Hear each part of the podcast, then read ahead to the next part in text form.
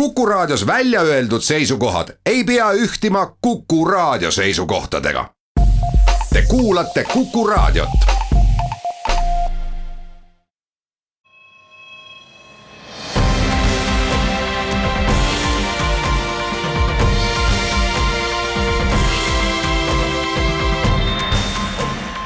Buum. saadet toetavad Swedbank ja EBS, nähes ja luues võimalusi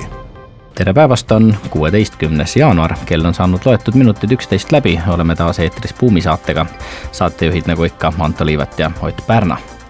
tänase uudisteploki avame aruteluga selle üle, millal ikkagi oleksid pidanud Ameerika Ühendriikide iduettevõtted sekkuma, et äh, uued regulatsioonid, äh, mis puudutavad äh, erineva tehnoloogiaalase teabe välisriikide kodanikele teatavaks tegemist poleks aasta algusest rakendunud teiseks räägime õnnetust Nissan eksjuhist Carlos Costist, Cosnist, kes on endiselt siis Jaapa kohtu otsuse all äh, vahi all, eeluurimisel ja kohus otsustas seda mitte vabastada. arutleme ka selle üle, kuivõrd oluline on võimalikult varakult juhtimiskogemuse saamine selleks, et ettevõtjana edukas olla. meie tänane saatekülaline on valitsussuhete ja kommunikatsiooniagentuuri Milton juht Annika Arras. uurime Annika käest, mismoodi on omavahel seotud lobi ehk valitsussuhted ning vastutustundlik ettevõtlus ja räägime ka naiste esindatusest ettevõtete juhtorganites aga nii nagu lubatud sai, kõigepealt Ameerika Ühendriikide iduettevõtetele kehtestatud uutest regulatsioonidest, täpsemalt siis äh, möödunud aastal äh,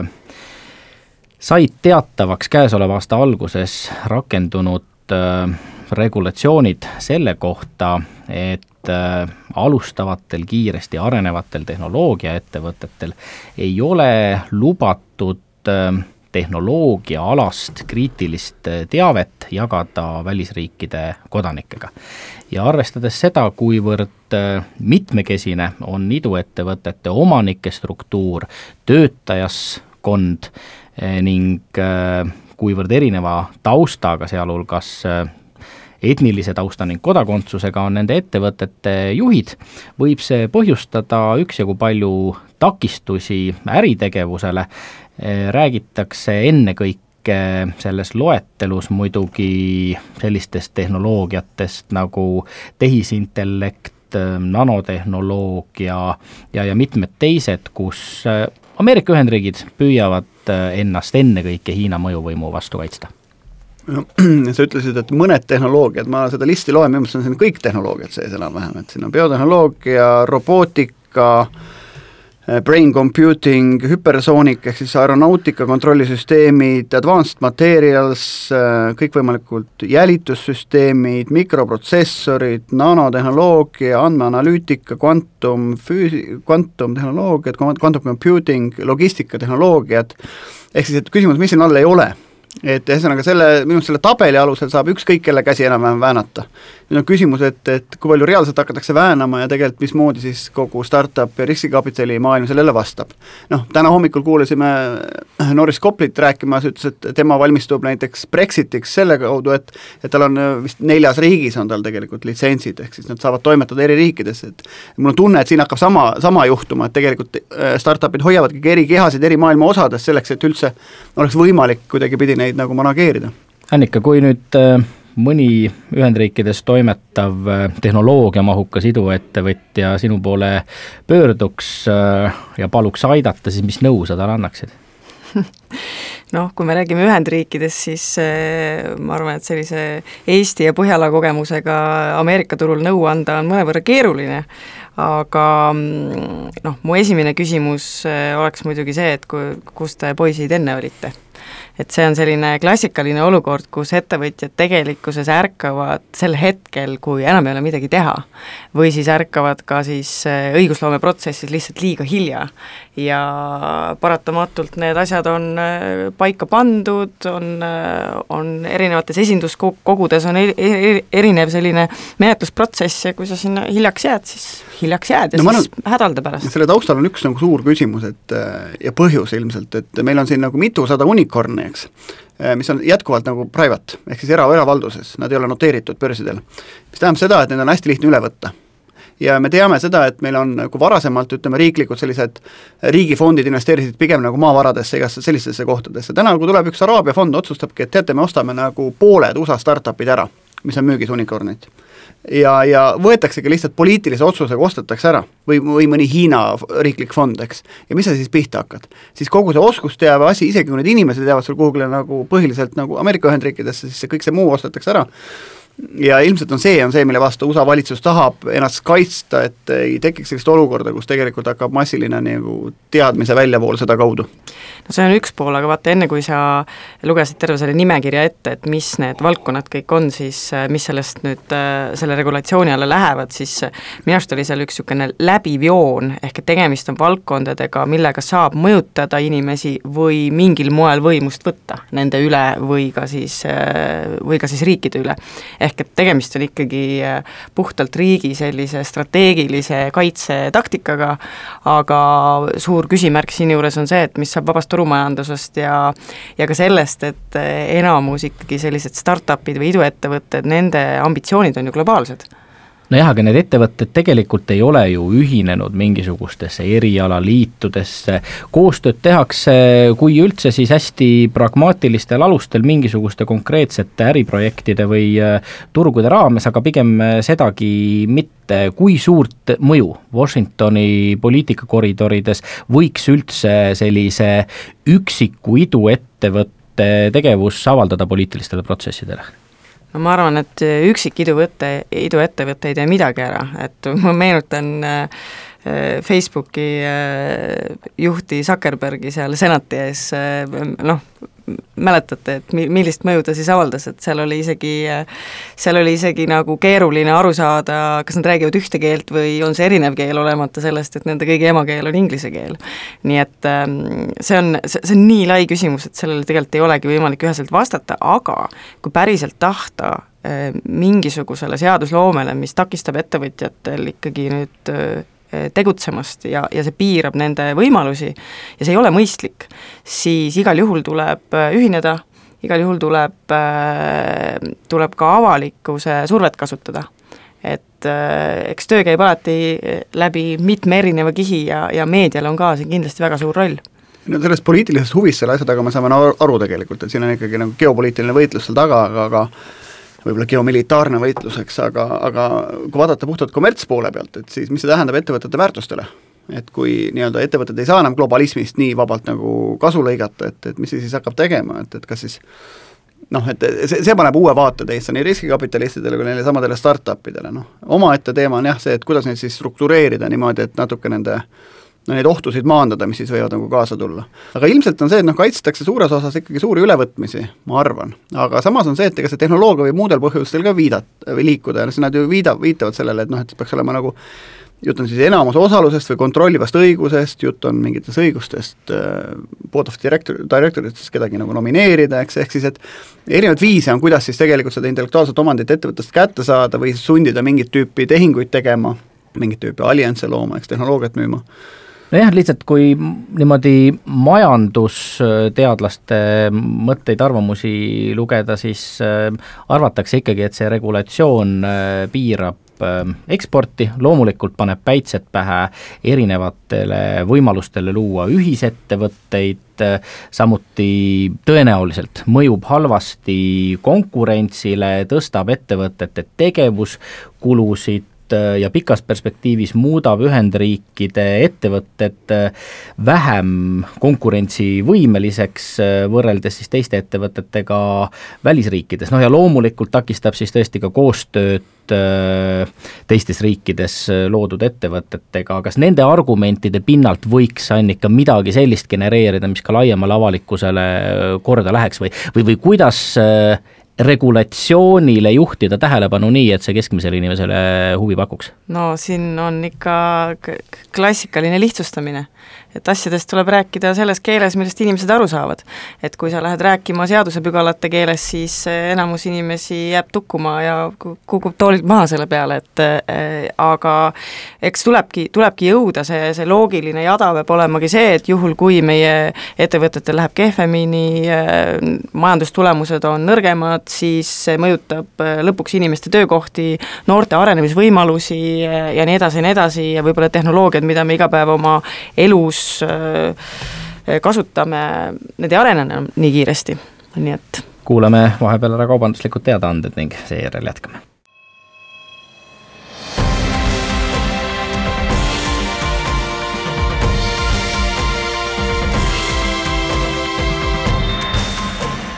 Buum.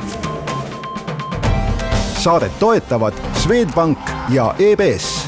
nähes ja luues võimalusi oleme tagasi Buumi eetris, saatejuhid Anto Liivet ja Ott Pärna. meie tänane saatekülaline on Annika Arras, valitsussuhete ja kommunikatsiooniagentuuri Milton juht kui me esimeses saateplokis rääkisime sellest, kuidas äh, Ühendriikide valitsuse regulatsioonid äh, püstitavad uusi väljakutseid äh, tehnoloogiamahukate iduettevõtete ette, siis täpselt sarnasel moel on tõenäoliselt ennekõike riikidevahelise poliitilise kemplemise ohvriks langenud Nissani palju tituleeritud eksjuht äh, Carlos Košn, tegemist on siis äh, härrasmehega, kes äh, juhtis Nissani, Mitsubishi ja Renault kontserni, oli selle kontserni loomise peamiseks eestvedajaks ja üheksateistkümnendal novembril arreteeriti Jaapanis süüdistatuna ennekõike selles, et ta varjas ettevõtte juhtorganite eest oma tegelikke sissetulekuid ning äh, on ka oma perekonna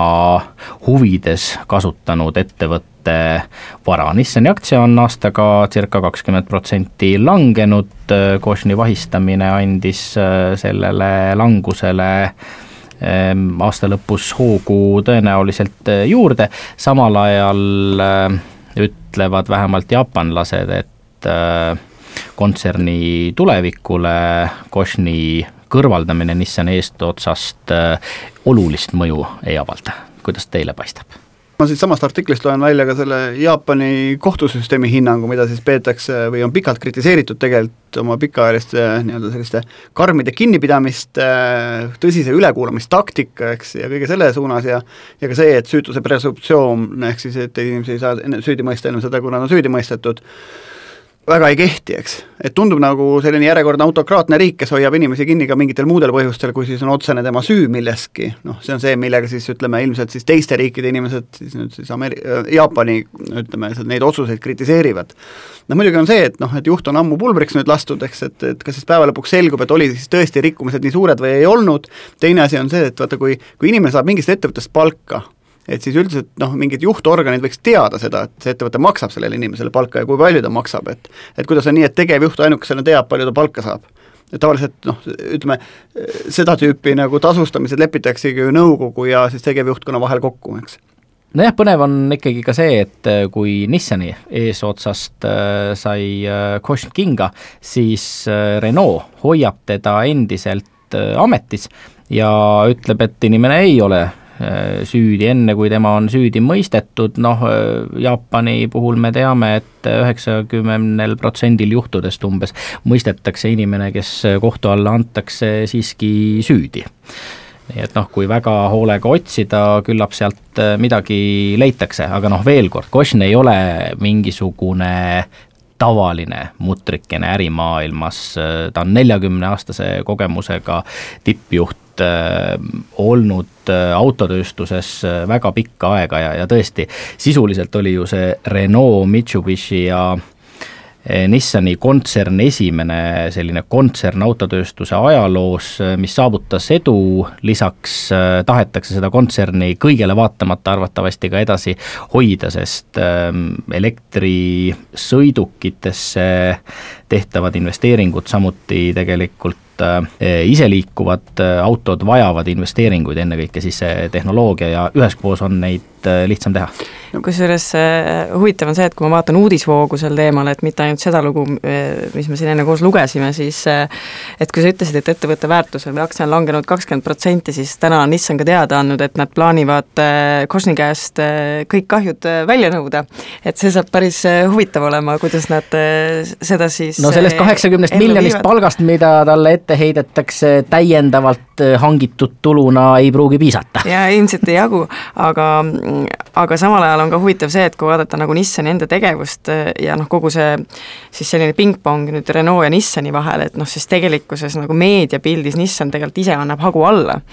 aga jällegi, meil on õudselt lihtne siin jutustada, teadmata tegelikult asja tegelikku sisu ja küllap nad seal Nissani sees on vähe targemad selles no, küsimuses. minu arust seal on kaks poolt, üks asi on kõigepealt see, et see Nissani ja Renault ja Mitsubishi konkurendid ei ole mitte nad üksteise vastu, vaid tegelikult teised autofirmad, et mida rohkem nad seda vennatappu seal sees teevad, seda eh, noh, viletsamini käib ilmselt nende aktsia ja konkurents turul, eks. aga teine pool minu meelest, mida siin tagant võib-olla otse välja ei öelda, aga see on väga nagu noh, Jaapan on kinnine ühiskond, eks. et nüüd mingi eurooplane, prantslane, mitte isegi prantsuse taustaga, aga ühesõnaga brasiillane jah, kuidagi Prantsusmaa läbi nüüd on siis, juhib Jaapanis äh, vägesid, eks, tehaseid ja ilmselt äh, ütleme, teeb ebamugavaks seda olukorda, noh, ta on tuntud kulukärpija ju, et kuidas see Renault kahjumist välja sai, eks. et seal võib olla ka see, et selline võitlus nii-öelda Euroopa pealetungi vastu ja Nissani Mitsubishi ühisettevõte on teadupärast registreeritud Hollandis hoopis et omaette teema, et noh, kaks ajaloolist konglomeraati, eks, Jaapanist, nüüd on järsku Euroopas nende ühisettevõte asutatud, eks. et siin võib olla palju sellist äh, nagu taustal, mida me tegelikult ei näe või millest väga otse ei räägita ja siis lihtsalt see tegevjuht on siis selline näidis, näidispoomine selle, selle taustal aga läheme siit edasi, Stanfordi ülikooli teadlased on äh, meile teada andnud, et mida nooremana saavad inimesed juhtimiskogemuse, seda suurema tõenäosusega saavad neist edukad ettevõtjad. Ja viitavad äh, tõtt-öelda ka sellele, et äh, elanikkonna keskmine vanus või töötajaskonna mediaanvanus ning selle tõus ennekõike ei pruugi olla alati head asjad, kuigi palju räägitakse sellest, et mida Äh, suurem on tervena elatud aastate arv, äh, seda parem. nimelt äh, vananevates ühiskondades kipub tõenäosus, et sünnib uusi edukaid ettevõtjaid olema väiksem kui nendes ettevõtetes, kus inimeste kesk, nendes riikides, kus inimeste keskmine vanus on väiksem. ja kui see uuring niimoodi ühe lausega kokku võtta, siis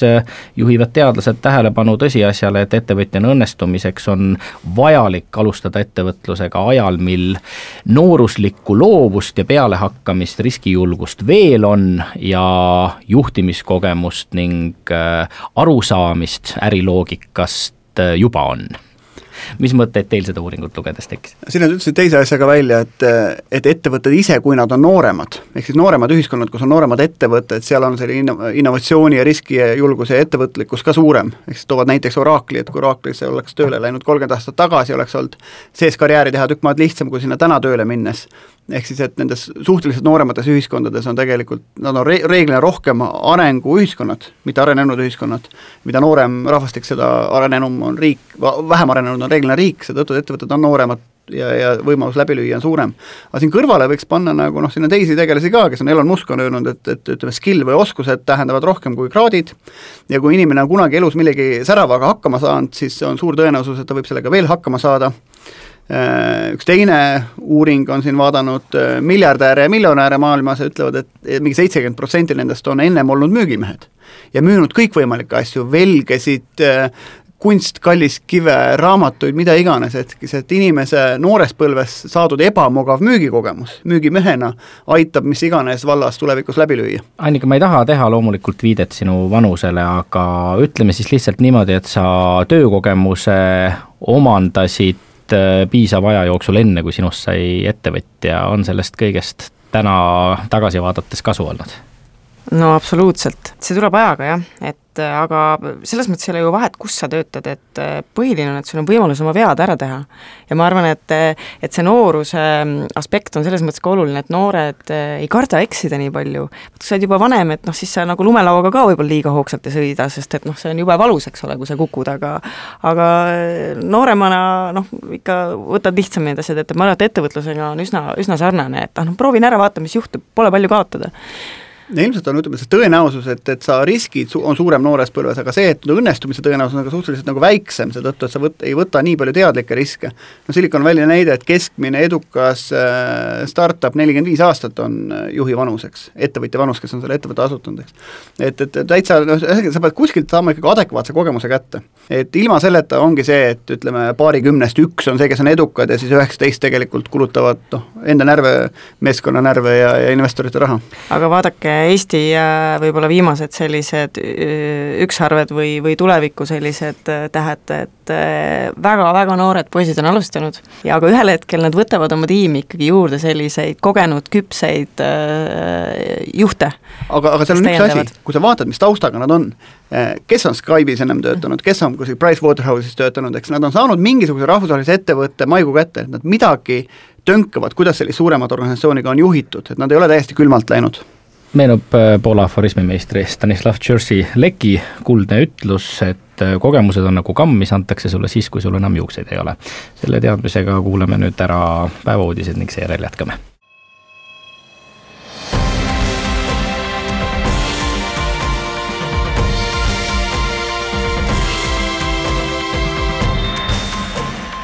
Buum.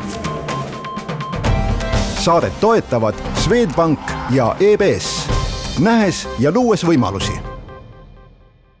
Oleme tagasi Buumi eetris, saatejuhid Anto Liivet ja Ott Pärna, meie tänane saatekülaline on Annika Arras,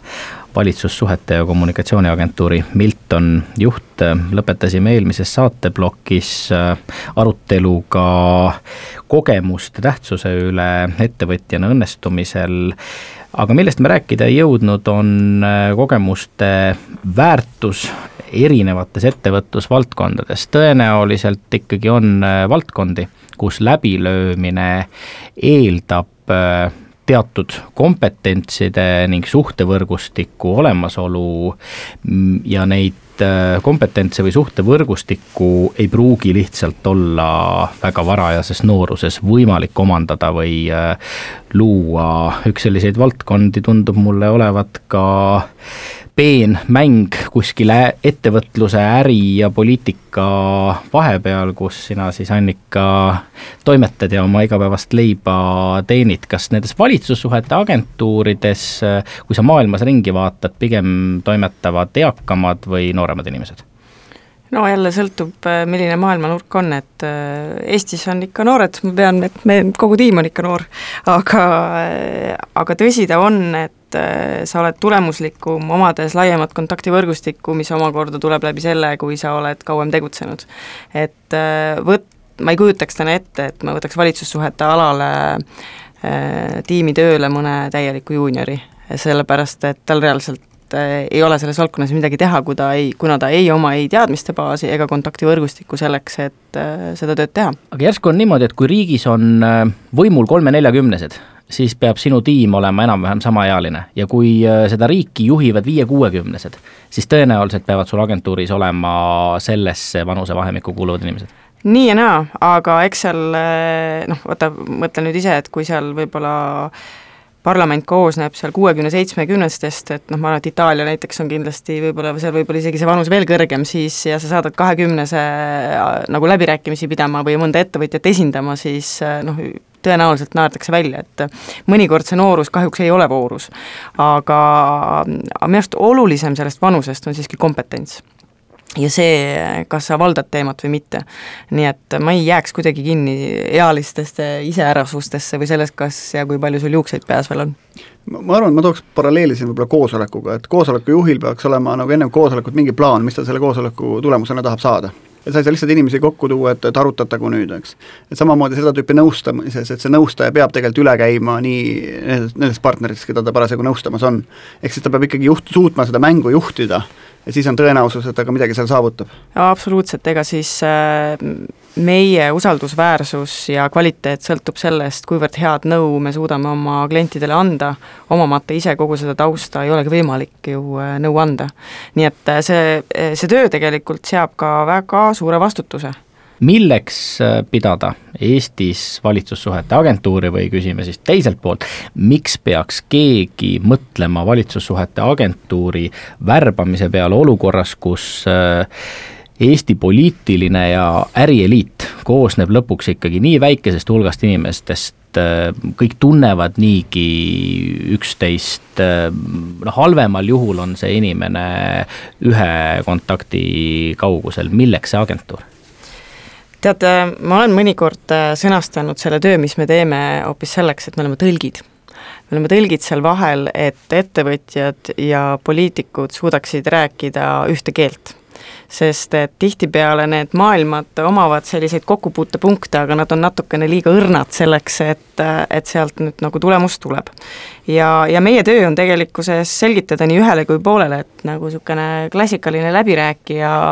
läbirääkija töö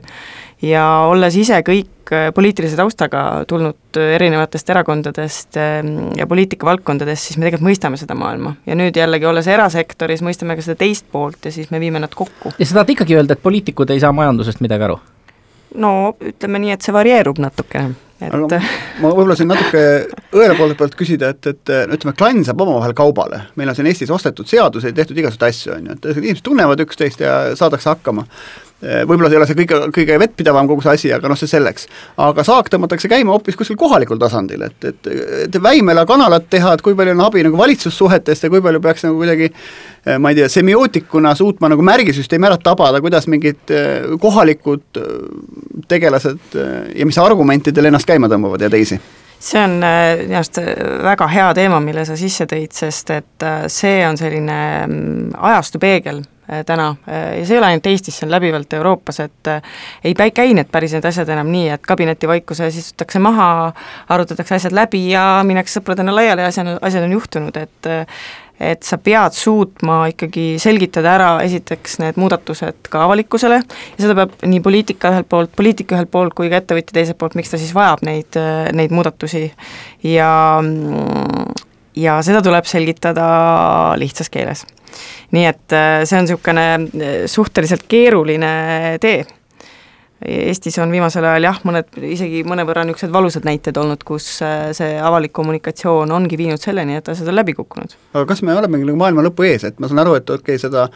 puidurafineerimistehast ei tulnud ülikooli linnas, sest arvati, et see on ülikooli linn, hoiame Emajõge, see on üks pool asjast, aga teist poolt, et kui kanalat ei tohi teha enam sinna, kus ennem oli kanala, mille kõrval oli ennem juba kool, siis kui see kanala seal töötas, eks. et, et kas siis ei tekigi ühtegi nagu vähemasti töötleva tööstuse ettevõtet Eesti Vabariik, et, et noh, mõned nutifirmad siin on ja kõik ülejäänud on juuksurid ja no eks teinekord on vaja muidugi emotsioonid välja lasta, et siis peale seda algab ratsionaalne arutelu, et et see, see, see, see emotsionaalne pool meie ajust võtab üle ja noh, siis ongi kõik, et siis enam seal midagi ei arutle. et ma siiski jätkuvalt usun sellesse, et kehtivate seaduste piires on Eestis võimalik jätkuvalt ettevõtlust teha no öeldakse seda, et avalik huvi on ülekaalus erahuvi huvis ühiskonnas, eks. aga nüüd on, kes siis defineerib riigis seda avalikku huvi, eks, kus alati on see üks mees, kes võib siis lipu püsti tõsta, arvata, et noh, ikkagi, et nii ei ole, eks. ja seda enam, noh, sellega hästi palju manipuleeritakse ka, me teame, et igasuguste asjade vastu võitlejad tegelikult tihti ei olegi sealt samast kogukonnast. Need allkirjad kogutakse kuskilt mujalt, eks. ja, ja suudetakse piisavalt noh, nii-öelda saa, saa käima tõmmata, et asi on hukas, et, et ei tule jaa, seal on, äh, nendes äh, lugudes on alati sees ka väga palju äh, sellist salapära, et välja paistab ühtemoodi, aga, aga lõpuks tuleb välja, et võib-olla see rahvas, kes on väga mässumeelne iseenda teadmata, võib-olla teenib mõne teise ärihiiu huve, et, et seal on jah, e-, e-, erinevaid juhtumeid üle Euroopa olnud, et aga kui see teema nüüd kuidagi lühidalt kokku võtta, siis äh, esimene asi on see, et tuleks omada pikka pilku ettevõtja poolelt ja, ja aru saada, millise, milline see ärikeskkonna muutus on äh, või ka regulatsioonide muutus on, mis tulemas on ja sellega tuleb pikalt ette tegeleda. ja, ja teiseks äh, tuleb oma äritegevuses olla avatud, läbipaistev ja vastutustundlik. see mingis mõttes ehit-, aitab sul jällegi ehitada sellist head kilpi selleks, et keerulistel hetkedel omada natukene sellist kapitali läbirääkimisteks mis see siis nüüd just tähendab, mis sa ütlesid, et headele poistele antakse rohkem andeks või? ma päris seda ei öelnud, aga, aga aga see võiks ju nii olla, et kui sa näiteks ettevõtjana ootad ootad näiteks, et seadusand-, seadusloome tegijad tulevad vastu, et sinu turutingimused ikkagi oleksid mingis mõttes mõistlikumad, aga samal ajal äh, nende muutmine jällegi mingis mõttes võib-olla kahjustab äh, meie loodusvarasid või äh, avalikku ruumi siis, äh, siis tekib ju kohe vastuküsimus, aga et äh, mis sa siis teed selleks, et seda kahju äh, vähendada. ja noh, seal algabki siis see, see piir, et kuivõrd vastutustundlik sa oled ja kui palju sa tegelikkuses siis oma ärikasumist ka panustad tagasi sellesse ühiskondlikku heaolusse. kuulame vahepeal ära kaubanduslikud teadaanded ning seejärel jätkame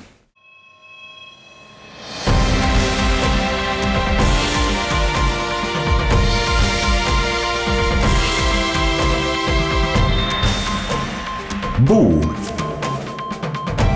saadet toetavad Swedbank ja EBS, nähes ja luues võimalusi. oleme tagasi Buumi eetris, saatejuhid Anto Liivet ja Ott Pärna. meie tänane saatekülaline on valitsussuhete ja kommunikatsiooniagentuuri Milton juht Annika Arras. räägime veel natukene vastutustundliku ettevõtluse teemadel ning äh, siis ka naiste positsioonist ettevõtete juhtorganites ennist äh, viitasid sa, Annika, sellele, et kui ettevõttel on ühiskonnas hea maine, teda tajutakse ausa, vastutustundliku, läbipaistvana, siis äh, on tal lihtsam teinekord oma eesmärke saavutada, isegi kui need eesmärgid ei pruugi avaliku huviga päris üks-üheselt äh, kooskõlas äh, olla või täpsemalt siis sellega, millisena avalikku huvi avalikus ruumis äh, ühel või teisel ajahetkel defineeritakse. me siin Otiga oleme ühes varasemas saates rääkinud uuringust, mis näitab, et siis, kui äh, midagi halvasti lõhnavat äh, ikkagi ventilaatorisse lendab, ei anta ka hea mainega ettevõtetele andeks kiiremini kui nendele teistele. ehk siis noh, näiteks Volkswagenil tuleb ikkagi oma valu ja vaev ära kannatada, vaatamata sellele heale, mida minevikus on erinevates riikides ühiskonna teenimiseks tehtud see kõik ikkagi viib tagasi küsimuseni, miks ettevõtted peaksid äh, panustama ressursse äh, sotsiaalselt vastutustundlikesse initsiatiividesse? no alustaks sellest, et äh, kas täiuslikku inimest on olemas ja kas täiuslikku ettevõtet või ettevõtjat on olemas. nii et ma arvan, et me kõik oleme täpselt sellised, nagu me oleme oma vigadega, aga eesmärk võiks olla, et me ju püüdleme selle nimel, et me oleksime homme paremad kui täna ja eks ettevõtetega ole samamoodi. see, et äh, ettevõtted aeg-ajalt satuvad kriisidesse või nad käituvad erinevalt sellest, mida nad öelnud, et noh, neid äh, juhtumeid on piisavalt palju ja, ja aga see on äratuskell kõigile. et tegelikkuses äh, seda sellises CSR terminoloogias nimetatakse seda greenwashing uks ehk siis selliseks rohepesuks, et et ma panen ilusa plakati välja, ütlen, et ma olen väga hea ja eetiline ja siis äh, külvan siin, istutan puid pühapäeviti ja ka samal ajal lähen võtan jälle siis pool metsa maha, on ju. et, et nendes asjades peab olema tasakaal, pluss tegelikkuses see, mida sa välja ütled, sa pead tegelikkuses seda ka tegema. ja, ja täna on see, mida ma näen, et noh, Põhjamaades, ütleme siis vanades Põhjamaades on see juba juhtunud. Eestis vaikselt hakkab tulema, et saadakse aru, et et see vastutustundlik ettevõtlus ei ole mitte turundus nõks, vaid see on päriselt midagi, mis peab olema osa sinu ettevõtte DNA-st ja, ja äristrateegiast, et see on täiesti elementaarne. ja ma arvan, et globaalsel tasandil sa ei, sa ei päde enam, kui sa ei suuda ette näidata oma ühiskondlikku panust ma arvan, see, see sotsiaalne vastutustunne on tegelikult rela-, relatiivne niikuinii või ta on suhteline. et ta on täpselt nii palju seda, kui kliendid ja töötajad seda nagu nõuavad. sest et kui me mõtleme nagu corporate ettevõtet, siis noh, bottom line on kuningas, eks, et, et ja kõik, mis ei ole keelatud, on lubatud ja see, nende kahe vahe on hästi hall, eks, ja konkurents käibki, et milline konkurents siis rohkem väänab, täna me näeme, et kõik autotootjad on vähem või rohkem nagu manipuleerinud nendega mm -hmm. lihtsalt, et Volkswagen esimesena üles poodi, et, et siis nagu võib-olla nad said laksu kõige suuremana. aga mis on huvitav selle taustal minu meelest, on see, et ühelt poolt ütleme nii, nad kummardavad rohkem, praegu ma vaatan, et Volkswagen tegi oma elektriautode tehase USA-sse teine asi on see, et Volkswageni üleminek elektrisõidukitele on oluliselt kiirenenud, ehk siis innovatsioon on tegelikult kiirenenud tänu sellele jamale ja ta oleks need diislite najal veel edasi lasknud. ja ma olen spordivallas toimetaja, kui sa vaatad näiteks Swissi äh, mäesuusa MK-d, mis oli seal vanasti, vanasti oli see Audi on kogu aeg sponsordanud tegelikult eh, siis mäesuusatamist või mäesuusatamist, murdmaad ja ka kahevõistlust. ainukesena on erandina on siis BMW laskesuusatamises, aga nad olid kogu aeg oma Quattroga, ehk siis neli veoga olid kogu aeg seal, millega nad nüüd on? E-troniga või e-troniga, ehk siis tegelikult oma elektrisõidukitega. kõik stardikaared, finišikaared, kõik on üle kleebitud või uued toodetud ja on hoopis e-troniga ollakse väljas, ehk siis et Audi ja Volkswagen Grupi sõnum üleminekus elektriautodele on väga palju kiirenenud tänu sellele skandaalile. aga tihtipeale läbi ju nende kriiside ja, ja selliste valu tulevadki suuremad muutused, nii et äh, siis pigem, pigem hea, et juhtus nii. jah, aga, aga teistpidi jällegi ma olen nõus, et, et ilmselt raha teenitakse veel pikalt nende samade diislitega ja, ja nende teistega, lihtsalt seda avalik kuvand on nüüd rohkem ära uuendatud. aga see teine pool, kust veel ka survet tuleb, on tegelikkuses, üks pool on kliendid, teine pool on töötajad. et me Eestis tegime vähem kui paar aastat tagasi ühe uuringu, just et tahtsime aru saada, et kuidas siis Eesti inimeste ootused on ettevõtjatele, et et milles üldse tahetakse, et nad panustavad ja kui palju, täiesti üllatav oli see et, et kaheksakümmend viis protsenti küsitletutest ja küsitud sai peaaegu tuhat kolmsada inimest, ütles, et, et nende ootus on, et Eesti ettevõtjad võtaksid äh, ühiskondlikutel teemadel, sotsiaalsetes küsimustes positsioone ja mitte ainult ei räägiks, vaid reaalselt teeksid ka midagi. Annika, kas see vastab tõele, et, uuringud näitavad seda, et, et kas ettevõte annab oma tootest A, mis maksab näiteks sada eurot nagu kümme senti heategevuseks või üheksakümmend üheksa eurot heategevuseks, ostja emotsiooni see ei mõjuta ehk siis, et ettevõtjal on tegelikult kasulik anda võimalikult vähe heategevuseks ja öelda, aga see toode annab midagi heategevuseks. me ju näeme küll, noh siin me tõime sulle ku-, ku-, ku-, kurikuulsa maadlejate kohvitopsi Olerexis siin ühe korra ette, et kus oli nagu eh, toh-, kohvitops tehti kallimaks, et siis saad umbes ka nagu maadlejat toetada, toetada, et tegelikult Olerex ise ei toetanud maadlejat, et mina, mhm. vaene klient, pidin maadlejat toetama ja kallimat kohvi jooma. aga tead, sa, sa kasutasid ühte sõna, see on Eestis üks suurim eh, levinud müüt selles valdkonnas, et vastutustundlik ettevõtlus on heategevus. see on nagu mingisugune üks üks protsent sellest asjast. et tegelikkuses, kui me räägime vastutustundlikust ettevõtlusest, siis me äh, mõtleme ka selle eest, kuidas me oma negatiivset mõju ühiskonnale vähe, vähendame, olgu see keskkond äh,, prügi, olgu see see, et ma sind töötajana kohtlen äh, meeldivalt, et ma ei tekita sulle vaimseid äh, vaevusi ja nii edasi, et see on, see on tegelikkuses äh, palju laiem aga mm, töötajate poolest, mis on huvitav Eestis, täielik põlvkondade erisus on. kaheksateist, kahekümne kolme aastased eh, omavad totaalselt erinevaid väärtusi. ja nemad valivad eh, töökohta mitte sellepärast, et millised on töötingimused ja milline on ülemus, vaid eh, ettevõtte väärtuste järgi. ja nende väärtuste tipus on globaalne kliima soojenemine nii et äh, tuleks küsida siis, et äh, kuidas Eesti ettevõtted adresseerivad seda teemat, kui tuleviku tööjõud peab seda kõige olulisemaks? meie aeg siin hakkab ümber saama, kui sa, Annika, annaksid saate lõppu ühe soovituse seoses sotsiaalse vastutustundlikkusega, mille peale Eesti ettevõtted kindlasti võiksid varasemast rohkem mõelda, siis äh, mis see oleks? no kõigepealt tuleb peeglisse vaadata ja, ja, ja hinnata tõsiselt oma igapäevast äritegevust ja mõelda, mis on need kohad, kus saaks äh, natuke paremini äh, et meie inimesed oleksid tervemad, keskkond oleks parem, avalik ruum vähem risustatud ja nii edasi ehk siis tegelikult vastus küsimusele, kuidas meie maailma paremaks muudame, on üha enam ka küsimus, mida küsivad töövõtjad ettevõtte käest ka Eestis, see ei ole enam ainult Ühendriikide tehnoloogiaettevõtete pärusmaa. absoluutselt mitte. aitäh meile saatekülaliseks tulemast, Annika Arras, valitsussuhete ja kommunikatsiooniagentuuri Milton juht, meie Ott Pärnaga oleme eetris juba täpselt nädala pärast, siis räägime tippjuhtide värbamisest, seniks aga kuulmiseni.